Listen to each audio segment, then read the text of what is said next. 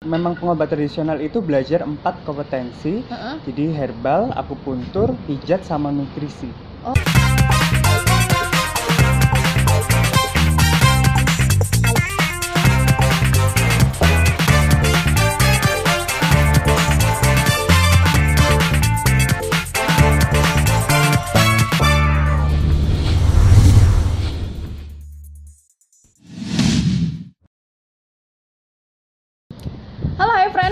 Lagi di part kedua dan kita masih membahas tentang jurusan pengobat tradisional bareng Mas Pandu, alumni dari D4 jurusan pengobat tradisional. Benar ya? Benar. Tadi kita sudah membahas tuh kenapa sih kok Mas Pandu ini akhirnya em, masuk ke pengobat tradisional yang ternyata bukan bukan terjerumus kok.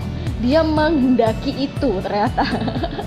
nah, kita penasaran banget nih. Tadi juga sempat udah disinggung-singgung dikit uh, Mhm. perbedaan sama farmasi bahwa di pengobat tradisional itu lebih ke mengolah obat secara tradisional. Aha. Jadi apakah memang jurusan pengobat tradisional itu sama seperti namanya Mhm. be- belajar untuk bikin obat jamu gitu ya? Kalau ter- kalau tradisional kan berarti kalau jamu gitu kan? Jadi kok jurusan pengobat tradisional nggak hanya bikin obatnya aja, tapi Mhm. belajar bagaimana. eh, jadi eh, kita tetap belajar eh, dasar-dasar kedokteran dan farmasi modern. Mhm. Jadi untuk mengetahui eh, letak-letak otot, letak-letak tulang, terus kemudian kita juga belajar tentang bagaimana cara eh, manfaat dan eh, dosis untuk eh, tanaman gitu. Jadi Anatomi tubuh berarti kan di iya, ya? diajarin juga. Jadi memang kita harus tahu dasarnya dulu karena kita nanti akan melakukan eh, terapi berupa akupuntur dan pijat. Jadi me- jadi biar kita tahu kedalaman jarum yang kita pakai itu seberapa gitu. Terus kemudian kalau untuk eh, herbal kita memang harus belajar di farmasi karena kita karena farmasi penelitian tentang herbal banyak banget. Jadi kunyit itu dosis dosis efektif efektif efektifnya itu seberapa terus kemudian uh, untuk jahe juga dosis efektifnya seberapa terus kemudian pencampuran uh, herbal ini dan ini boleh enggak gitu terus kayak misalkan ada herbal yang daunnya berat eh, daunnya bermanfaat tapi bijinya beracun kayak gitu gitu tuh kita diajarkan di farmasi gitu Oh oke, jadi juga cross pindah-pindah kuliah dong, tapi pindah-pindah tempat kamp kuliah dong Iya, di jadi farmasi, di kedokteran gitu. Iya, jadi waktu uh, kita dulu semester semester 1 kita uh, kuliahnya pindah-pindah jadi farmasi kampus A, kampus B, kampus C. Waduh, jadi agak-agak nggak menyesal sih ya, karena meskipun masuk jurusan pengobat tradisional masih tetap bisa menikmati kelasnya anak kedokteran, masih diajar sama do- dosen-dosen kedokteran, itu ya, bener ya. Oke, jadi secara singkat nih kalau di apa satu kalimat gitu ya, pengobat tradisional itu mempelajari apa? Tadi kan ada jamu sempat disebut, terus ada juga pijat juga disebut. Apa tuh intinya? Jadi memang pengobat tradisional itu belajar empat kompetensi, Heeh. jadi herbal, akupuntur, pijat, sama nutrisi. Oh, oke. Nutrisinya lebih yang jamu itu tadi mas. Nutrisinya itu untuk pola makan yang baik itu seperti apa, terus makan harus dihindari untuk uh, keluhan-keluhan pasien itu apa gitu. Ah, berarti eh, ini kan juga sama ilmu gizi dong. Uh, iya sedikit tapi kita belajar hanya sedikit gitu. Jadi untuk karena kita ingin uh, pasien itu lebih holistik menanggulangi keluhan yang ada. Jadi nggak hanya nggak hanya kita langsung mengobati kaus jadi kausa primanya tahu. Jadi kita harus tahu kausa primanya dulu terus kita menentukan pola makan yang baik untuk dia seperti apa kemudian uh, herbal yang dia konsumsi itu apa akupuntur atau pijat yang dia perlukan kita harus tahu. Oh, Gitu. oke makanya dipelajari empat hal itu tadi Iya, gitu ya. Oke. Jadi lebih holistik aja sih. Apakah itu termasuk dalam penjurusan atau konsentrasi yang empat itu Jadi- atau enggak dari awal Jadi semua kita pelajari. Oh, bareng-bareng. Iya. Jadi tidak ada pembagian konsentrasi ada, lebih lanjut di semester ada. berapa gitu ya. Ada. Oke. Semester terberat semester berapa? Semester terberat waktu angkatan saya itu semester 5 karena eh, kita udah masuk ke terapi akupuntur, kemudian terapi pijat sama formulasi obat tradisional. Hmm. Jadi itu memang benar-benar eh, apa harus melihat kasus secara rinci dan detail terus menentukan harus sudah bisa menentukan titik akupuntur nutrisinya apa terus kemudian herbalnya apa itu harus sudah bisa terus cara masaknya gimana terus ukuran ukurannya juga harus ditentukan di semester itu Hmm, gitu. Oke, karena vokasi berarti banyak praktek. banyak banget prakteknya Oh ya, sampai banget praktek. Emang banget tiap hari kayaknya prakteknya. semester atas tuh hampir setiap hari praktikum Oh, awal-awal masih teori. awal-awal masih teori-teori praktikumnya cuman eh, lihat mikros- mikroskop mikroskop aja Hmm, Nah, kalau praktek itu harus mendatangkan pasien gitu kah atau prakteknya sama mahasiswa aja? Tahu gimana? kalau praktek akupuntur pertama kali itu yang waktu angkatan saya tuh belajar nusuk ke paha ayam dulu terus kemudian nusuk ke diri sendiri aduh. baru ke teman sekelas Aduh. baru ke orang lain Saya nggak Gitu. mau ah, jadi temennya dia nanti Itu- ditusuk. itu kalau aku buntur terus kalau pijat ke teman-teman sendiri dulu Mm-mm. tapi kalau udah eh, seles udah selesai eh, satu rangkaian Mm-mm. terapi baru ke orang lain ya jadi kalau untuk eh, pelajaran pijat itu kita harus setelah satu rangkaian materi itu selesai jadi kita harus memijat 10 orang dulu baru kita dilay- dinyatakan layak atau enggak untuk memijat gitu Oh, ternyata memijat pun tuh ada teknik-tekniknya Ya. sampai sedetail itu Ya. ya. Berarti kalau misalnya kita mau nyari tukang pijat, ditanyain dulu, Pak, dulu lulusan apa? Enggak, terapis ya namanya terapis terapis Ini sama nggak sih sama terapis? Sama lah ya. sama cuman kan kayak terapis tukang tuh kan yang nggak melalui proses pendidikan Oh. tuh ada proses pendidikannya Siap, siap, gitu. siap, siap, siap. Oke, oke.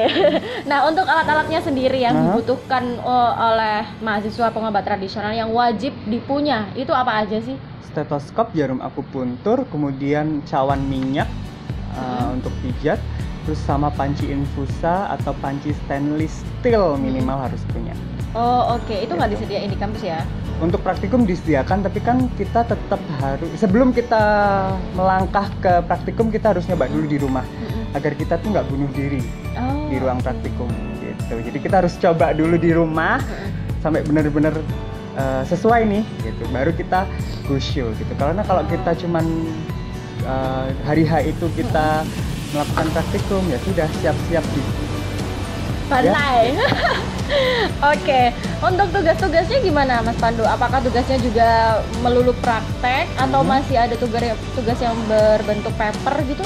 kalau tugas nggak nggak melalui praktek jadi ada analisis terus kemudian ada paper juga gitu Oke, kalau ini tugas akhir. Nah, Tugas akhir. tugas, tugas akhir atau skripsinya? Pakai Oke. skripsi nggak sih kalau Pakai, vokasi? pakai. ya. Jadi kalau Mm.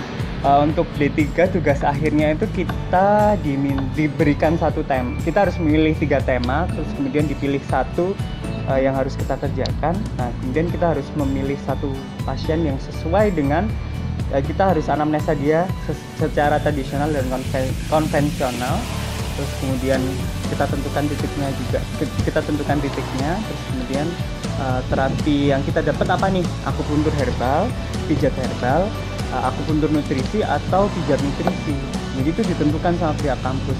Terus kita terapi dia secara eh, untuk satu seri. Jadi 12 kali terapi untuk akupuntur dan satu bulan terapi eh, setiap hari untuk pijat. Gitu. Oh, Gitu. jadi harus ada satu model untuk Iya. tugas akhir itu ya? Iya gitu. Loh ya kok enak ya jadi modelnya ya? Saya mau dipijit-pijit. ya meskipun jadi bahan percobaan sih ujungnya. gitu tapi ya tetap sih itu keamanannya uh, kita diawasin jadi nggak asal milih Mm-mm. jadi herbalnya memang harus kalau misalkan untuk keluhan A harus ada jurnal penelitiannya memang herbal itu bermanfaat untuk penelitian eh, untuk kasus A gitu Oh, oke. kalau untuk skripsinya ya sama kayak skripsi skripsi yang lain gitu jadi uh, kayak memberikan uh, ekstrak kunyit untuk menurunkan kadar kolesterol uh, berapa orang pasien gitu Terus Nanti itu tadi apa kalau bukan skripsi? kalau tugas tadi? akhir itu kan hanya satu orang yang kita awasi tapi kalau skripsi itu bisa 11 bisa 14 Oh jadi ada dua syarat kelulusannya. kalau D3 kan tugas akhir kalau D4 oh, skripsi oh I gitu. see. Oke oke ya Ah. karena tadi Mas Padu ini melalui apa dua dua jenjang Alih jenjang. Ah, alih jenjang Berarti kalau alih jenjang itu tinggal nerusin gitu. nerusin kan? aja Oke, ketika di tiga itu ternyata em, langsung tugas akhir praktek ke satu orang. Ha-ha. Kalau yang Skripsi. D4 skripsi seperti biasa dan itu temanya lebih luas lagi ya kalau skripsi ya. bukan lebih ini sih lebih lebih sempit lagi Oh, karena lebih sempit. Ah, jadi Yang terus- diteliti jadi untuk kunyit misalkan kunyit untuk Hmm. kolesterol apanya dulu nih yang dilihat Oh, gitu oke. nurunin HD ah, HD level HD ah, level LLDR-nya atau level apanya triglyceridnya gitu tapi untuk banyak pasien dengan kondisi yang harus sama semua gitu Hmm, Nah itu kan lebih susah lagi gitu. Oh, lebih susah lagi. Kayaknya skripsi adalah salah satu mata kuliah yang tersusah. banget. Selain skripsi apa mata kuliah yang menjadi tantangan di jurusan pengobatan tradisional? Uh, sebenarnya semuanya tantangan tapi tergantung kita suka cita nggak ngelakuinnya. Gitu. Kalau kita senang tantangan itu nggak ada kayak nggak ada tantangannya yang sih. paling ini deh yang pokoknya Paling- yang paling effort banget kalau mata kuliah ini mata kuliah itu ini mata kuliah ini. Mata kuliah yang paling banget banget butuh konsentrasi itu pijat sama formulasi obat tradisional. Itu bener-bener butuh jiwa yang happy dan fokus yang bener-bener nggak boleh keganggu sama yang lain. Karena karena waktu itu eh, sampai sekarang masih ngajar sih dosennya jadi memang Prof. Mangestuti Agil tuh bener-bener nge-push kita jadi mental fisik semuanya dihajar banget wow nanti abis talk show ini saya mau dipijit saya mau merasakan hasil push dari dosennya itu seperti apa gitu ya apakah memang Boleh. sudah mantap atau gimana gitu.